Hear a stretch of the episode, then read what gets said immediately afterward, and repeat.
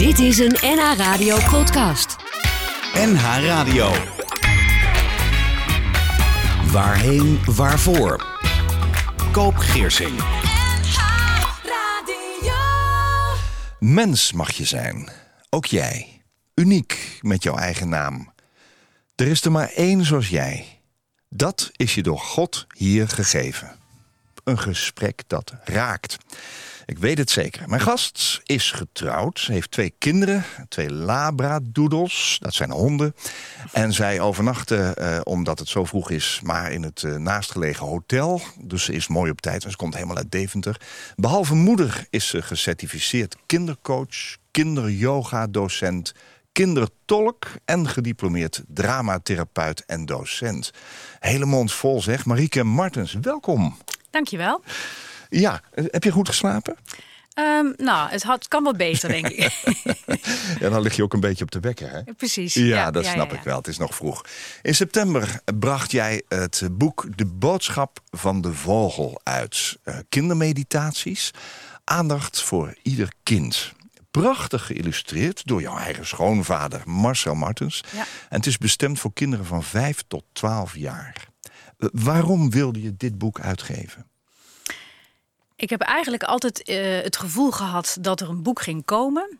Ik wist alleen uh, niet wat voor boek het was. En uh, op het moment dat je erop gaat zitten broeden, dan gebeurt er eigenlijk niks. Tenminste, dat werkt bij mij zo. Oh ja. En um, tijdens de, de eerste lockdown um, was het net alsof de verhalen zeg maar me invielen. En dacht ik, oh, nou, ik ga eens wat opschrijven. En in een hele korte tijd uh, nou, had ik zo'n 29, 30 verhalen. Ja. En toen dacht ik, oh, nou. Daar is hij dan. Daar is hij dan. Ja, hij is geboren. Had ja. de, de lockdown, zeg maar, dat was een beetje in maart en april. Ja. Had dat grote gevolgen voor jouw werk? Ik kon kinderen niet meer uh, fysiek zien, zeg maar. Ja. Uh, dus, in, dus in die zin wel. Hè. Ik, uh, ik geef ook veel trainingen ehm, in groepsverbanden. Dus dat, uh, dat ging ook inderdaad niet door. Dus het was inderdaad in die periode was het rustig. Ja. En um, ik denk dat dat ook een reden was dat het boek er kwam. Dus je bent net ja. zo druk gebleven in feite. Want hiermee bezig zijn, dat is dan toch uh, ja, gaan zitten en gedisciplineerd dingen doen. Ja, maar het voelde eigenlijk helemaal niet als druk. Nee? Nee, het was juist een enorme oase van rust. Het was mooi weer en iedere ochtend ging ik... Uh, in ons tuinhuis zitten met pen en papier. En dan ontstond er weer een nieuw verhaal. Ja. En eigenlijk alle verhalen die erin staan, die, um, nou, die gaan over een kind die ik heb ontmoet in mijn uh, praktijk. Of ze gaan over mijn eigen kinderen. Of over mezelf. Ja. Dus eigenlijk, uh, die verhalen zijn er eigenlijk al. Ja, waar gaan ze over, die verhalen? Um, het gaat over... Um, het, het, kinderen hebben vaak last van een te vol hoofd. Helemaal in deze tijd. Uh, er moet veel, er zijn veel prikkels. Dus veel verhalen gaan erover hoe kan ik mijn gedachten een beetje loslaten. Um, daarnaast gaat het ook over dat uh, het belangrijk is dat, nou ja, dat ieder kind erbij hoort. Ja. Kinderen willen graag ergens bij horen, een plekje hebben. Mm -hmm. Uh, het gaat ook over loslaten van een, een, een dierbare of nou ja, van een, een, een, heftige gebeurtenis. Hoe ga ik daarmee om? Dus um, het heeft zeker diepgang, maar het is wel geschreven in, um, nou, voor kinderen, uh, laat ik het zo zeggen, er zit ook iets luchtigs in. Ja. Het is niet allemaal hele zware beladen verhalen. Nee. nee, nee. Het is prachtig uh, geïllustreerd, dat is, vertelde ik al, jouw schoonvader. Hoe hebben jullie elkaar ontdekt in dit boek? Nou, ik wist eigenlijk al um, vanaf het moment dat ik in de familie kwam oh ja. uh, dat hij kon tekenen. Ja, hij heeft, familie, um, ja, hij heeft. Martens. Toen, uh, toen onze kinderen jong waren, heeft hij uh, hele mooie tekeningen gemaakt op de muur van de slaapkamers mm -hmm. van de kinderen. Zelfs van mijn zoon zit nog steeds pluk van de pettenflat op de muur. en um, iedere keer als wij een kaart krijgen, dan staat er een tekening op. En, en nou ja, dus zo is het uh, uh, dat ik het wist, dat hij heel mooi kon tekenen. Ja. Maar goed, ik heb hem gevraagd en hij moest over een drempel heen. Over een best een hoge drempel. ja, zitten die kinderen daar wel op te wachten? En toen dacht ik, ja, juist. En toen heeft hij de eerste tekening gemaakt en dat was meteen de boodschap van de vogel. En toen dacht ik, ja, als dit het is, dan eh, moeten we hier heel gauw mee doorgaan. En hij heeft hem met beide handen aangegrepen. En ehm, ja, ik ben er super trots op. Nou, dan Want mag je zijn. Het boek is natuurlijk niks zonder deze tekeningen. Nee, de boodschap Ja. van de vogel. Ja. Jij bent eh, zelf onder andere gecertificeerd kindercoach. En zegt, voordat ik op dat punt kwam, ging er net zoals bij ieder ander heel wat aan vooraf. De manier waarop ik naar kinderen, ouders en professionals kijk, heeft alles te maken met mijn eigen levenservaringen. En dat maakt uiteindelijk wie je bent. Marieke Martens is mijn gast in deze aflevering van Waarheen, Waarvoor. Het gedicht waarmee ik het programma vandaag opende... is door jouw moeder Maaike voor jou geschreven. En Maaike is ook mijn gast geweest in Waarheen Waarvoor. Dat is alweer een paar jaar geleden hebben we net eh, zitten uitrekenen. Tweeënhalf 2000 jaar volgens mij. Twee- ja. ja, dat zou kunnen. Ja. En het gedicht staat in de bundel Dag mijn liefje. Dat een verzameling is van gedichten die zij schreef... na het overlijden van haar man, jouw vader dus, op 44-jarige leeftijd. En ehm, ja, het- hoe groot kan een ramp in een gezin zijn? Daarvoor overleed hun zoon, jouw broertje Martijn. Die heb jij nooit leren kennen, Nee. want jij bent daarna geboren. Ja. Jouw vader was dus 44 toen hij overleed. Jouw broertje, ehm, toen die één jaar was. Klopt. Wat, wat herinner je ehm, je nog van die tijd dat dit zich allemaal zo afspeelde? Even los van het feit dat je broertje niet hebt gekend. Vanuit mijn vader of vanuit mijn broer? Ja. ja. Ik heb inderdaad mijn broer niet, niet Nee. gekend. Hè. Nee. Dat is de oudste bij ons eh, in het gezin. We Ja. zijn met drie dan. En ehm, Gek eigenlijk, want die is na- natuurlijk maar één geworden. die is maar één geworden. Ja. Ja. maar wat ik wel eh, weet als kind is, is dat we daar bijvoorbeeld, eh, als hij jarig was, dat we daar dat we taart kochten en dat we daar aandacht aan besteden. Ja. En ehm, nou, heel lang heeft er toch ook een foto van hem gestaan. Als baby, want hij is natuurlijk inderdaad nog maar één jaar geworden. Dus het, het, hij was altijd wel een onderdeel van ons gezin. Het was echt wel van, oh ja, er zijn drie kinderen. Dus, dus, dus als kind zijnde wist ik altijd van, oh ja, ik heb, wel, ik heb ook nog een oudere broer. Ja. En wel het gevoel gehad, wat jammer dat, hij, dat ik hem nooit heb leren kennen. Want het lijkt me wel heel erg leuk om twee grote broers te hebben eigenlijk. Ja. Ja, ja. Kun je nog iets herinneren over hoe je als kind voelde in de tijd met al dat verdriet? Nou, ik, dus niet als. Toen mijn vader overleden was of daarvoor bedoel Nee, Nee, ja, overleden mijn, vader is overleden toen ik 15 was. Ja, En dat is eigenlijk Oh, een hele belangrijke leeftijd. hele belangrijke leeftijd. Ja. ja, en ik denk daar nu ook nog wel vaak aan. Mijn dochter is nu 15. En toen dacht ik, oh ja, ja als ik nu kijk naar mijn dochter, denk ik, oh, dat is eigenlijk ook nog gewoon een kind Ja, die een vader nodig heeft. ja. En ehm, hoe ik kijk naar die tijd, het is zo eh plotsklaps geweest. Mhm. Eigenlijk echt, letterlijk van de een op de andere minuut was het gewoon voorbij. ja. Ehm, is heel ingrijpend geweest. Ja, ja. Wat voor vader was het? een, een, een superleuke vader. Ja? Echt, ja. Mijn vader had eh, ongelooflijk veel humor. Ik kon ontzettend met hem lachen. Ja. Ik, wat ik me heel goed herinner is dat we dan s'avonds samen de hond gingen uitlaten. En dan stond er ergens in een park een standbeeld. En stevast Mhm. gingen wij naar dat standbeeld om dat eh, samen dat beeld uit te beelden en na te doen. En dan Oh ja. bleven we daar heel lang staan. Dan Mhm. liepen de mensen langs. Nou ja, en dat vonden wij dan heel erg humor. Om Ja. dan in een soort eh, standbeeld te gaan staan, bijvoorbeeld. Hè? Nee, dus, dus een, een, ehm, een, een hele... ehm, ehm, ja, een, een, een, een, een, een vader die eh, heel aanwezig was. Ja. Veel humor, hard werkte. ja, Is hij nog altijd bij je? altijd. Ja? Ja, altijd. Nou, mooi Ja. om te horen. Ja. Je zegt, want je zit zelf, eh, je bent kindercoach. Hè? Je zegt de manier waarop ik naar kinderen, ouders en professionals kijk, heeft alles te maken met mijn eigen levenservaringen. Mhm. Eh, je vertelt over je eigen jeugd als aanleiding voor jouw roeping om op te komen voor kinderen en ouders waarbij het niet vanzelf gaat. Dat heeft me zo geïntrigeerd. Waarbij het niet vanzelf gaat. Ja, ja, ja. Ik begrijp dat jij jezelf destijds klein maakte en bijvoorbeeld niet wilde opvallen. ja. Wat was dat en waardoor kwam dat? Ehm, toen ik acht was, ben ik gaan stotteren. Mhm. En ik heb eigenlijk als kind... Zomaar? Nou, ik denk dat dat een aanleiding is geweest dat ik onzeker was als kind. Ja. En ehm, dat eh, ik heel erg bang was van een leraar, weet ik nog wel. En op het moment dat hij mij een beurt gaf, dacht ik, oh, ik moet het goede antwoord geven.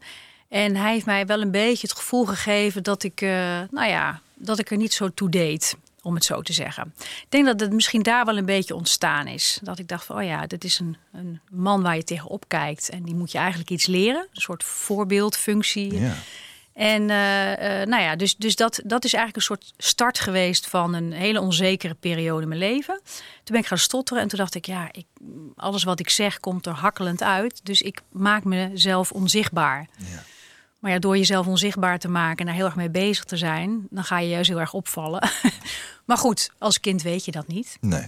Uh, dus dat is eigenlijk een soort aanleiding geweest om, uh, nou ja, uh, wat, ik, wat ik schreef ook van om jezelf dus kleiner te maken. Van, nou ja, het is, Val je minder op. Ja, ja. Hoef je ook niet naar buiten te presenteren. Ja, ja. Maar hoeveel effect heeft dat op de jaren die daarop volgen? Want dat zijn natuurlijk allemaal vormende jaren. Je komt in je puberteit terecht. Ja. Ben, je daar, ben je daar weer goed uitgekomen? Ja, absoluut. Ook in je puberteit? Of daarvoor? Nou, ik denk dat mijn puberteit wel een, een, lastige periode was. Niet dat ik een lastig kind was, maar wel dat ik een enorme struggle had met mezelf. Mm -hmm. En uh, door inderdaad het, het, missen van mijn vader, ja. uh, dat is toch wel echt een, een uh, belangrijk punt in mijn leven geweest. Um, maar ook doordat ik heel erg stotterde. ja, dus het zijn allemaal dingen Um, die er niet toe bijdragen om een uh, lekkere, luchtige puberteit nee. uh, te hebben. Nee, je, nee. Je, je constateert nu ook uh, onzekerheid, verdriet, boosheid en angst bij de kinderen die jij ontmoet ja. hè, in jouw werk, zullen we Ja. zeggen. Dat je iets wilde maken waar ze ook iets aan hebben zonder eerst een afspraak te moeten maken. Hè? Dus je wilde Ja. eigenlijk zorgen dat je ze ehm, ja, toch iets kon bieden. Dit boek is daar eigenlijk Ja. een mooi, eh, mooi uitvloeisel van. Ja, ja. Ehm, waarom is het er niet eerder gekomen, zou ik bijna zeggen? ik denk dat de tijd niet rijp was. Dat was het, hè? Ja, ja. Ik Ja. heb altijd geweten dat er iets kwam, maar de tijd was niet rijp. Nee.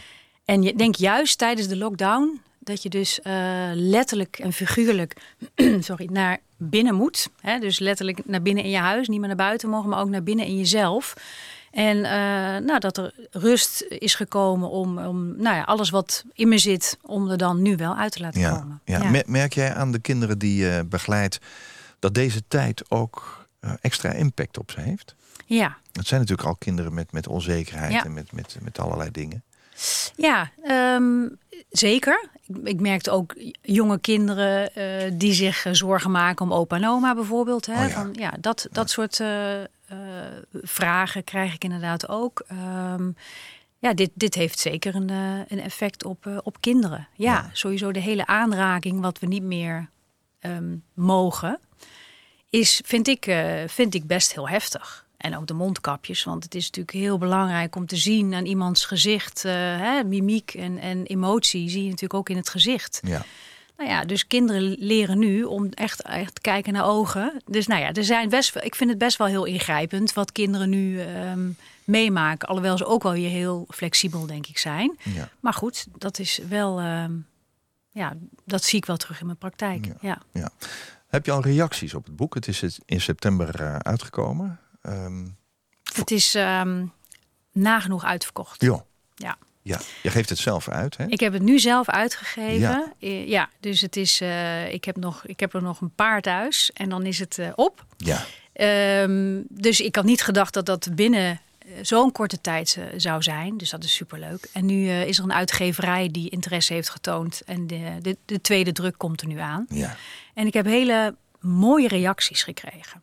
Hele mooie reacties. Eentje die, mag ik die vertellen? Heel graag. zeg. Ja, nou ja, er zijn er heel veel. Maar ehm, het mooie was is dat ik een, ehm, een mail kreeg van een moeder die een kind heeft met een hersentumor.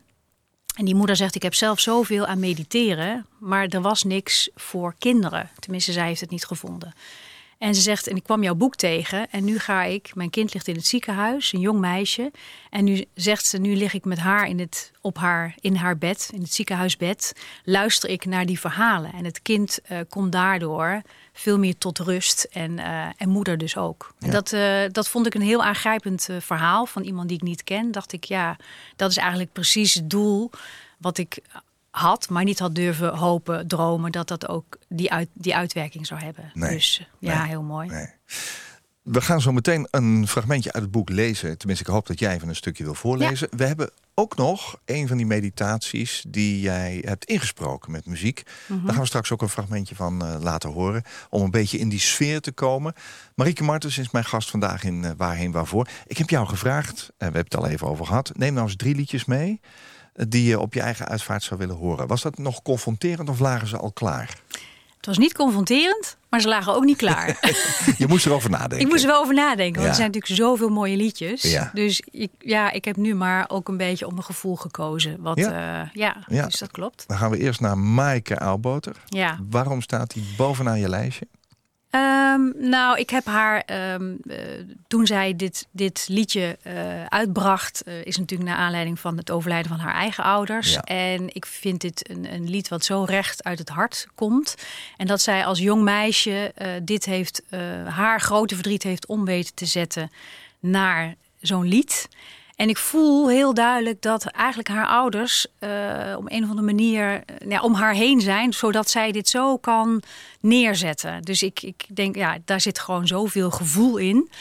En, en ze zingt over het loslaten. En ik denk dat het op een gegeven moment, als je dan overlijdt, nou, dat je dan ook mag loslaten.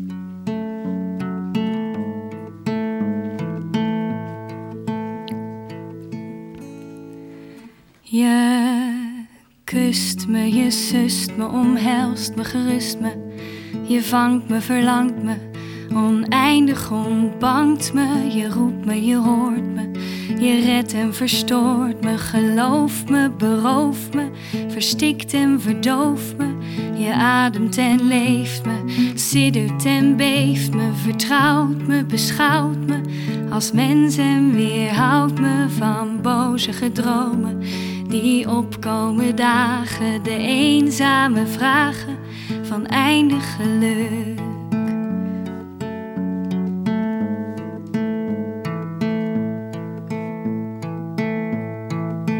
Met je krullen als nacht, hoe je praat, hoe je lacht, hoe je stem zo dichtbij als een engel verzacht. In mijn dromen doorstromen oneindige leegtes. Je remt je tempt me, je roert en beweegt me. Ik mis je, ik mis je, ik grijp je, ik gris je. Ik wil je, bespeel je, ik roer en beveel je om bij me te blijven in donkere nachten.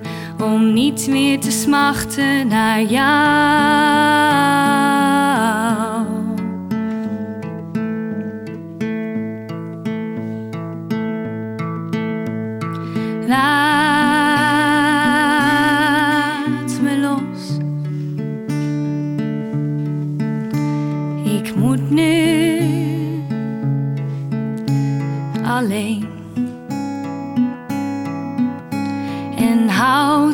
Vast als het nodig is. In gedachten. En ik zoek je in alles om me heen. Maar al denk ik soms dat het zo beter is. Kan ik het niet helpen dat ik je soms mis? Oh, ik smoor je, bevroor je, verlos en verloor je. Weg naar een andere plek, maar ik hoor je, omarm je, verwarm je. Ik zie je en voel je, ik aai je, ik streel je, ik knuffel en kroel je.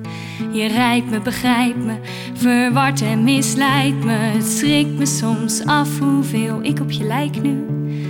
Mijn glimlach, mijn tranen, mijn liefde, mijn beleven. Het spijt me van alles, kom help en bevrijd me.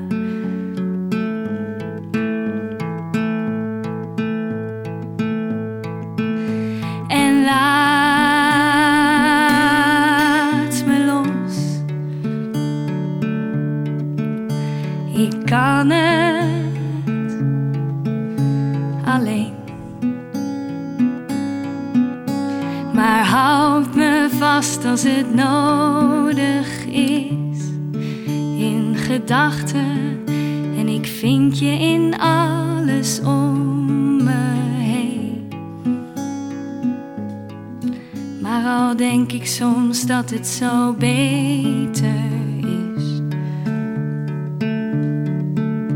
Kan ik het niet helpen dat ik je soms mis? Ik kus je, ik zus je, ik doof en ik blus je. Je blijft heel dicht bij me, maar in mijn hoofd rust je.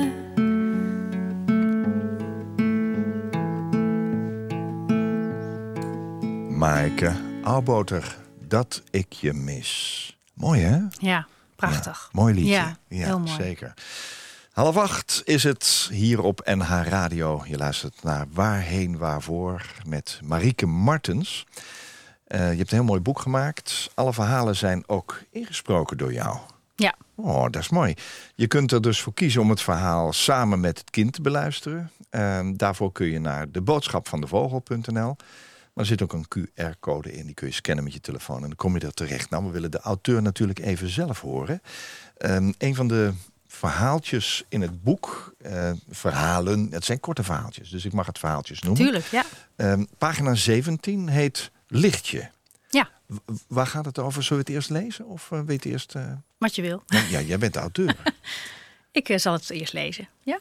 Oké. Okay. In de hemel zijn ze op zoek naar heel bijzondere lichtjes.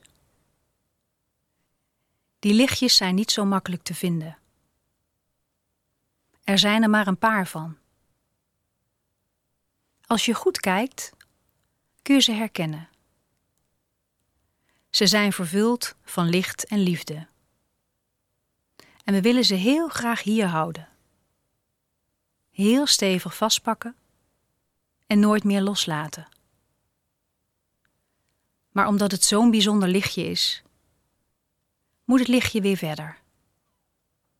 Het moet verder om te stralen en te schijnen, zodat het nog veel meer kan verlichten. Daarom wil ik je vragen: laat het lichtje maar los. Dan zal het blijven schijnen in je hart. Over loslaten gesproken. Ja.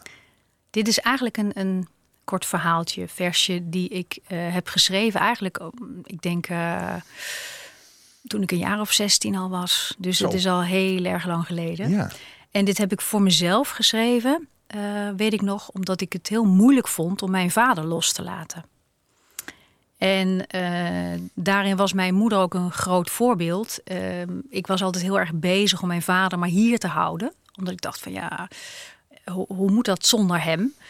En toen heeft mijn moeder ook uitgelegd, uh, dat is wel heel mooi, want dat geef ik ook weer door aan kinderen die nu bij mij komen.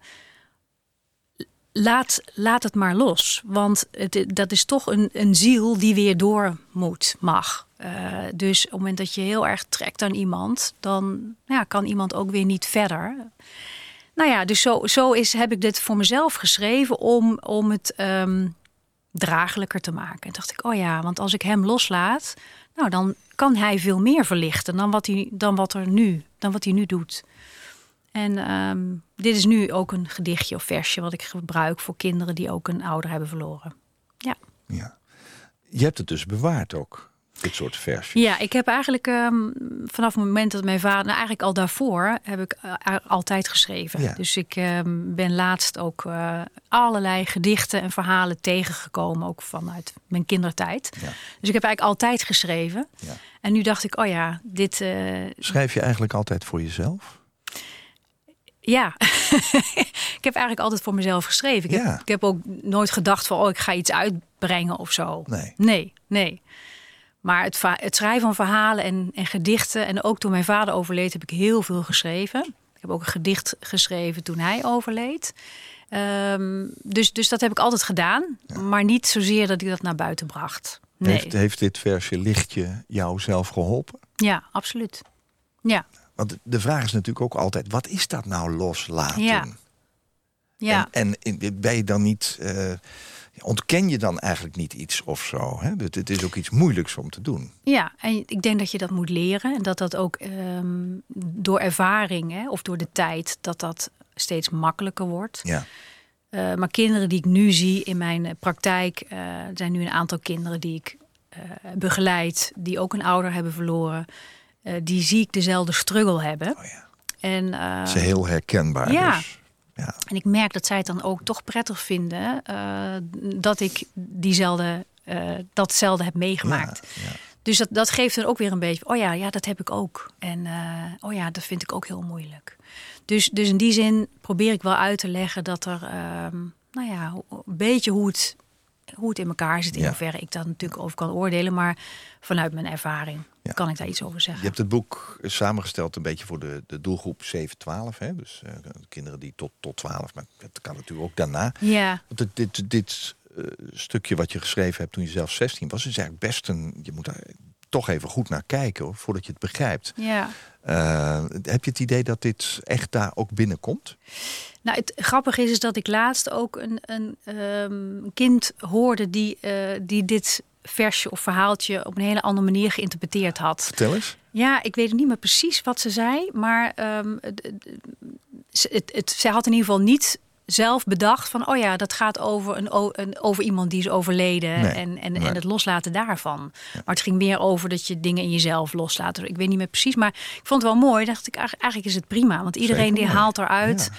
Wat hij eruit wil halen. Ja, dat is, dat is Ja. prachtig. Ja. Je hebt al verteld, hè? kinderen met, eh, eh, hebben vaak hun hoofd vol Ja. met dingen, met angsten, met ja, hoe moet dat nou? En deze periode waarbij ook eh, vader en moeder vaak nog heel erg thuis zijn, Ja. waarbij ze ze op een andere manier misschien meemaken. Ehm, je hebt podcasts gemaakt met meditatieoefeningen Ja. voor kinderen. Ehm, we hebben één fragment even om in die sfeer te komen ehm, klaargezet. Laten we eens even Ja. in een soort zen-situatie. Wat moeten we doen? Moeten we even anders gaan zitten? Zo- Even zo rustig. Ja. Ja. Soms gebeuren er dingen in je leven die je veel verdriet doen. Voor iedereen is dat anders. Soms is er een heel groot verdriet. En soms een klein verdriet. Geen enkel verdriet is fijn. Het kan voelen als een knoop in je buik of een brok in je keel. Je wil er niet aan denken, maar het komt steeds opnieuw terug in je hoofd. Ja, heel rustig en heel herkenbaar. Ja, Eh, ik ken niet heel veel persoonlijk heel groot verdriet. Dat, eh, gelukkig niet, zou ik bijna zeggen. Ik maak het wel veel mee als Mhm, uitvaartverzorger. Maar ik herken meteen de elementen die je noemt. Hè, dat het vastzit in je hoofd. ja, ja. Ehm, hoe, hoe kom jij jezelf tegen bij de kinderen die jij helpt en begeleidt? Ehm, nou, ik denk wat ik al eerder zei, ehm, dat het overlijden van mijn vader een, een, ehm, een grote impact natuurlijk heeft gehad. En ehm, ik denk op het moment dat, dat je zelf dingen mee eh, sorry, hebt gemaakt in je leven, dat, ehm, dat je je makkelijker ook kunt inleven in situaties of in gebeurtenissen eh, ja, van kinderen, op, in mijn geval, in mijn werk, die, eh, die daar dus opnieuw ook tegenaan lopen. Ja, Ja, groot verdriet kan natuurlijk ook de, de poes is dood zijn. hè? ja zeker. Zeker. Ja. Ja. Ja. Maar betekent dat dat iedere keer een soort herkenning bij jou zelf ook komt van... eh, dat heb ik ook gehad? Of dat Nee, heb ik nu ook niet zo meer. gevoeld? Nee, nee, ik, ik, ik denk wel ehm, dat ik nu op deze leeftijd. eh, nee, ik denk, ik, als ik nu naar mezelf kijk, dan is, ben ik de afgelopen jaren ehm, daarin wel ehm, gegroeid en ja.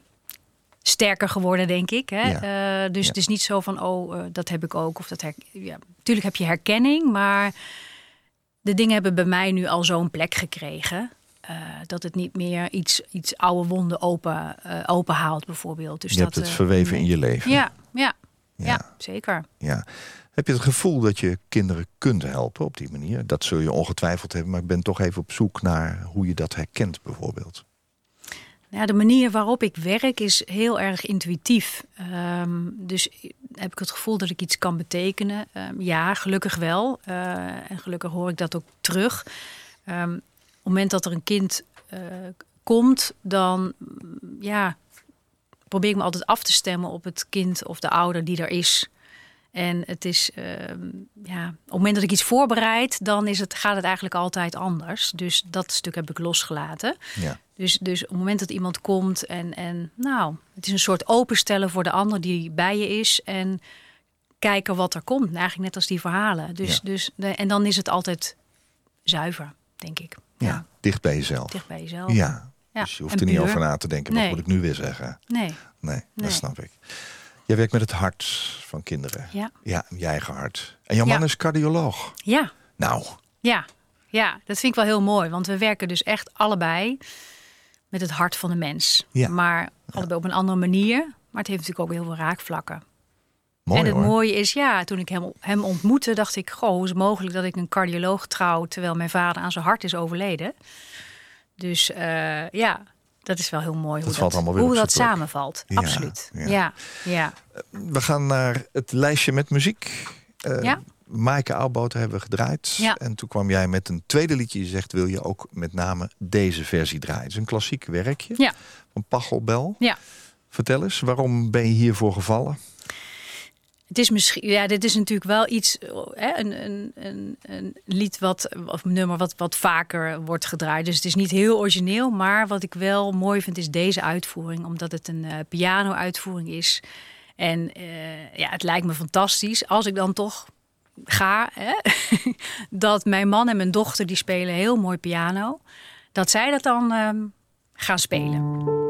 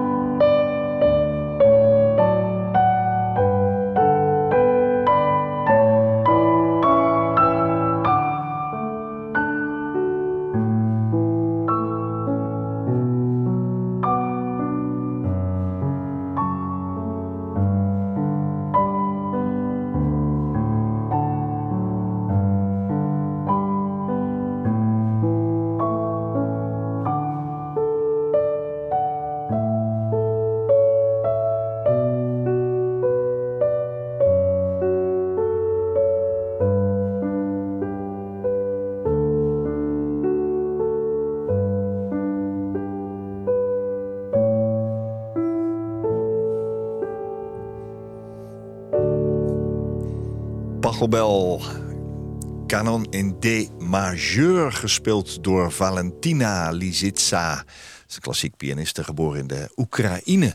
Het thema van het liedje is ook gebruikt in de popmuziek. Rain and Tears van Aphrodite's Child is hierop gebaseerd. En jij zei, uh, ik zou het heel bijzonder vinden als Fabrice, jouw man... en Valerie, jouw dochter, dit op de piano gaan spelen als ik er niet meer ben. Uh, dit nummer heb je voor het eerst gehoord tijdens je opleiding... en het raakte heel diep. Sterker nog, je zei, ik kwam meteen bij mijn diepere laag. Ja. Waar zit dat bij jou? Ja, ja. Diep? Ja, Ja, waar zit dat? Ja, dat is een gevoel. het deed je iets, hè? Ja, Ja. ja, ja. Ehm, jouw boek heet De Boodschap van de Vogel. Alle verhalen heb je ook ingelezen. De boodschap van de vogel.nl kun je ze vinden. Dat is heel mooi. Ehm, jouw eigen kinderen, eh, daaraan heb je het eigenlijk opgedragen. Hè? Want die, dat staat voorin voor Valerie en Julian. ja. Ehm, ze zijn ook jouw leermeesters, heb ik begrepen. Wat zie jij bij hen bijvoorbeeld? Ehm, ik denk dat ik op een andere manier eh, ben gaan kijken naar kinderen. Eh, door, door, Door hun. Door hun, maar ook door, eh, door, door opleidingen die ik heb gedaan. Ja. Ehm, en wat ik altijd mooi vind, is, eh, die gebruik ik ook vaak voor ouders, maar het werkt eigenlijk altijd wel. Op het moment dat je wil weten hoe het met jezelf gaat, dan moet je naar je kinderen kijken. Spiegelen. Ja. En je kinderen laten eigenlijk heel duidelijk zien in, in nou ja, hoe ze zich voelen of wat ze doen. Eh, nou, is eigenlijk inderdaad de spiegel voor jezelf. Dus daarin zijn ze eh, echt leermeesters. Dat geldt niet alleen voor mij, maar dat geldt voor alle kinderen en alle ouders. Ja. Eh, dus daarom vind ik het ook heel belangrijk om ook altijd met ouders te werken. En niet alleen met kinderen. Nee. Je bent ook kindertolk. Ja, Wat is dat? ja dat heeft niks met, met eh, Gebarentaal te maken. gebarentaal zo? te maken. Nee, nee, nee. Kindertolk is eigenlijk dat je eh, leert vertalen ehm, wat het kind in gedrag of in ontwikkeling laat zien. Ja. En ehm, eh, op het moment dat het, dat het je lukt om echt te kijken naar wat is hetgeen wat het kind nou laat zien in, in, nou ja, in, in hoe die is. Of waar je als ouder tegenaan loopt. Want meestal hebben ouders toch een hulpvraag voor, voor het kind. eh, waarbij ze zeg maar, bijvoorbeeld bij een kindertolk zouden komen. Ja. En het is heel mooi om uiteindelijk te zien dat eh, het kind eigenlijk altijd het delen van jezelf spiegelt. Ja. Jij zegt van mijn kinderen leer ik mijn passie volgen. Zoals bij Julian zijn passie voor sport bijvoorbeeld en tennis. Hè? En bij Ja. Valerie leer ik om continu bewust te zijn van de wereld om ons heen. Ja, Zij is hier om de aarde te redden. En gelooft Ja. heel erg in onze natuur en de dieren. ja. Daar neem jij dus iets van over. Ja, ik vind het heel mooi. Als ik kijk naar onze kinderen, dan zijn het twee kinderen met een, eh, ieder een enorme passie. Wel een volledig andere passie, maar dat is juist ook heel mooi. En ik heb echt geleerd, onder andere ook van Julian, die heeft zo'n drive om, eh, nou, die wil gewoon tennisser worden. En, eh, top- Tennisser worden, ja. Toptennisser. Oh, dat is wel heel en ehm, ik vind het mooi op het moment dat een kind zo'n passie heeft om, ehm, eh, nou, dat, om daarvoor te gaan. Ja. Hoe oud zijn ze op het ogenblik? En Julian is 13 en Valerie is 15. Oh ja. Ja, ja. ja. Belangrijke leeftijd, hè? ook als je naar je Belangrijke eigen leeftijd. leven kijkt. Ja. Zeker. Eh, Ja. Je je begeleidt ook ouders. Ja, misschien is het een heel eh, open doel wat ik nu eh, zeg maar voorspeel. Waarom niet alleen hun kind? Nou, omdat ouders heel belangrijk zijn in het hele systeem. Ehm, en, en op het moment dat je alleen met een kind werkt, dan ehm, kan je nooit dat stuk bereiken. Je doel bereiken wat je voor ogen hebt ook als, Ja. als ouder. Ehm, dus ik vind, ik vind ook heel vaak belangrijk dat ook een school erbij betrokken wordt. Hè, want het is een soort, eh, ehm, nou ja, driehoek, eh, om het zo te zeggen. Ehm, dus ik vind het heel belangrijk dat ouders ook echt leren kijken naar zichzelf. En daardoor kunnen ze ook beter hun eigen kind helpen. Ja. Wanneer komen ouders met hun kind bij jou? Wanneer denk je, dit gaat niet goed, ik, ik heb echt hulp nodig? Heel verschillend. De, de vragen die ik krijg zijn van, van slaapproblemen tot angsten tot eh, pesten. Ehm, Best een groot probleem, denk ik. pesten is een heel groot Ja. probleem. Heb je zelf ook eh, ervaring mee? Ja, ja, ja. ik ben eh, enorm gepest door het stotteren. En dat heeft een enorme impact. Dus ik weet wat kinderen voelen op het moment dat ze gepest worden. Hè. Dus ehm, afgelopen jaar hebben we, heb ik ook een groepje gecoacht. ehm, die, nou ja, die ook eh, meidengroep. Waar ook van alles mee aan de hand was qua eh, pestgedrag en dat soort dingen. En er niet bij horen. En denk ik, ja, voor, voor jongens en meiden is het denk ik allemaal is de zwaarte even groot. Maar je merkt wel bijvoorbeeld bij meisjes dat ook dat hele social media echt een groot probleem is. Hoor ik erbij? Hoeveel likes krijg ik? En ehm, ja, en, en onder andere de verhalen probeer ik eh, kinderen heel erg bij zichzelf ehm, eh, naar zichzelf te kijken. Dus op het moment dat, je, dat het je lukt om te vertrouwen op jezelf, op je binnenste, dan kun je ook wat sterker in het leven staan en ben je niet zo ehm, afhankelijk van je, wat je omgeving over je vertelt, bijvoorbeeld.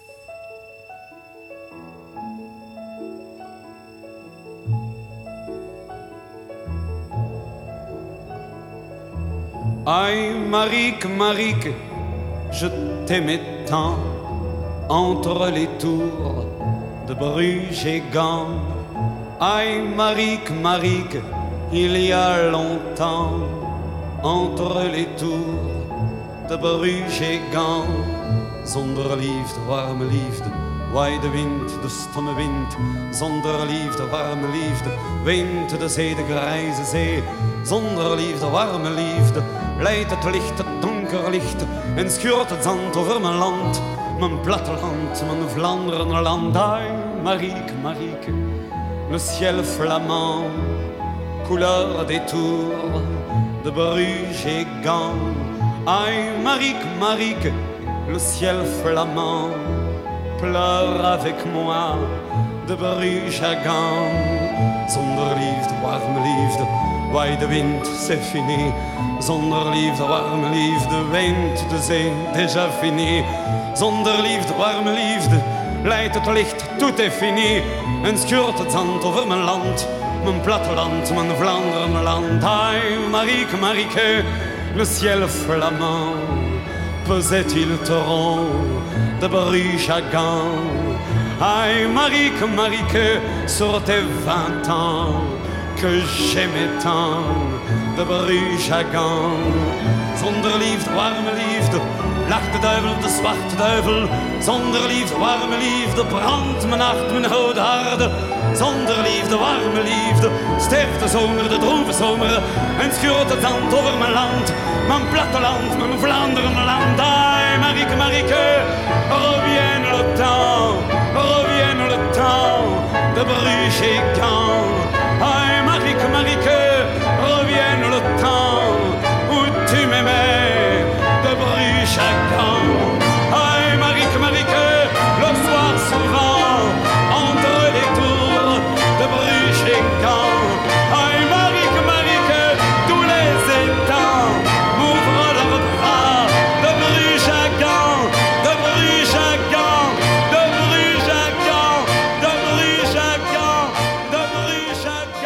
Jacques Brel over de Vlaamse Marieke, van wie hij ooit gehouden heeft. Het is trouwens het enige nummer dat hij tweetalig zingt. Zowel dus in het Frans als in het Vlaams. De twee talen van zijn land, België. Ja, Marieke, ik zou zo'n liedje ook gekozen hebben... als iemand koop gezongen had. Ja, dan had ik ja, dat toch? zeker gedraaid. Ja, ja, ja, precies. Toch eh, heb je keus gemaakt voor dit liedje. Eh, Heeft dat alleen met je, met je naam te maken? Nou ja, ik, ik- dat vind ik wel leuk. Maar eh, dit is ook een, eh, een liedje geweest die wij eh, heel veel hebben gedraaid in de camper. eh, toen wij eh, afgelopen zomer in, eh, in Frankrijk aan het rondtoeren waren met, eh, met ons gezin, met eh, de twee kinderen en de twee honden. Eh, dus wij hebben toen heel veel eh, kilometers gemaakt. En eh, nou, toen draaiden we deze heel hard. En Oh toen ja? dacht ik, oh. En het lijkt me ook wel leuk om dan toch in een soort van trieste setting, eh, eh, als je eigen begrafenis, dat mensen dan toch een soort van glimlach krijgen. Ja. Denk, oh ja, Ja, dat vind ik ook mooi. Ja, toch? Ja, een beetje aan het eind misschien van de plechtigheid. ja, Waarna je weer lachend in de koffiekamer staat. te beladen is. Nee, snap ik wel. Snap ja. ik wel. Ja. Het, het prachtige boek van eh, Marieke Martens. Ja, je heet eigenlijk Volmer, hè? Ja. Dat is natuurlijk jouw eh, meisjesnaam. De boodschap van de vogel. Waarom is het genoemd naar het eerste verhaal? De boodschap van de vogel. Het was het eerste verhaal wat kwam. En ehm, dus daarom dacht ik, dat is ook meteen de Maar titel. je had er al een paar liggen. Nou, ik had een paar versjes inderdaad. Uh, twee had ik er liggen. Ja. Uh, maar ik wist nog niet dat ik die ging gebruiken. Nee. Dus ik dacht eerst dat het alleen maar meditatieverhalen waren. En dat was het eerste verhaal dat ik schreef. En voor mij is het ook een titel die alles omvat. Omdat het een, gaat om een, een boodschap. En die kan je ook heel breed eh, zien, zeg maar. Ja. Dus nou, er komt een boodschap tot je. En nou ja, zo. De titel Daarom van moest het dat zijn. Ja, heel erg mooi. Door het schrijven en doordat je nu ook natuurlijk eh, volwassener bent, zullen maar zeggen, eh, ben je niet meer bang voor tegenslagen, zei je. Nee. Wat is er nu bij je veranderd? Ik denk dat ik nu, nou ik denk het niet, ik weet wel zeker, een uh, innerlijke rust heb gevonden. Dat ik um, um, enorm vertrouw op mijn eigen binnenste. En dat is een heel fijn gevoel, want dat maakt je uh, sterk en zeker en stevig. En dat is ook precies wat ik uh, zo hoop voor de kinderen van nu. Um, vandaar de verhalen die eigenlijk allemaal uh, een beroep doen op je eigen um, stevige binnenste. Ja. En als ik als kind dat jong had geleerd, dan had, had het denk ik wat hobbels gescheeld. Ja. Maar hobbels zijn ook nodig om uiteindelijk ergens te komen. De weg die jij bewandeld hebt, Ja. heeft je gebracht waar je nu bent. Precies. Ja, ben je gelukkig? Ik ben heel erg gelukkig. Nou, ja. Prachtig. Ja. Het is een prachtige boodschap voor iedereen hoor. ja, Niet alleen voor kinderen. nee. Als ik het lees, krijg ik er ook kracht van. Nou, mooi. Dankjewel. Ja, heel erg mooi. Ja. Mijn gast in deze aflevering van Waarheen Waarvoor was Marieke Martens. Echtgenote, moeder, kindercoach, kinderyoga-docent, kindertolk, dramatherapeut, docent. Ze schreef opgedragen aan haar eigen kinderen Valerie en Julian het boek De Boodschap van de Vogel. Voor kinderen met een eigen uniek verhaal. Die het moeilijk vinden om in slaap te komen door gedachten die niet stoppen. Voor kinderen die graag ergens bij willen horen. Voor kinderen die verlies hebben geleden. Ik vind het een heel mooi boek. Marieke, dank je wel daarvoor. Gun je kinderen rust in hun volle hoofd. En vertel hen de boodschap van de vogel. Bedankt ook dat je hier wilde zijn vanuit het verre Deventer. En uh, heel erg bedankt dat je dit mooie boek hebt laten geboren worden. En dat je er voor die kinderen bent die het nodig hebben. Dankjewel. Koop Geersing. Als jij een keer te gast wilt zijn in Waarheen Waarvoor... om te vertellen over jouw levensreis, laat me dat dan weten... via waarheenwaarvoor.nhradio.nl waarheenwaarvoor.nhradio.nl Dit was een NH Radio podcast. Voor meer, ga naar nhradio.nl Radio.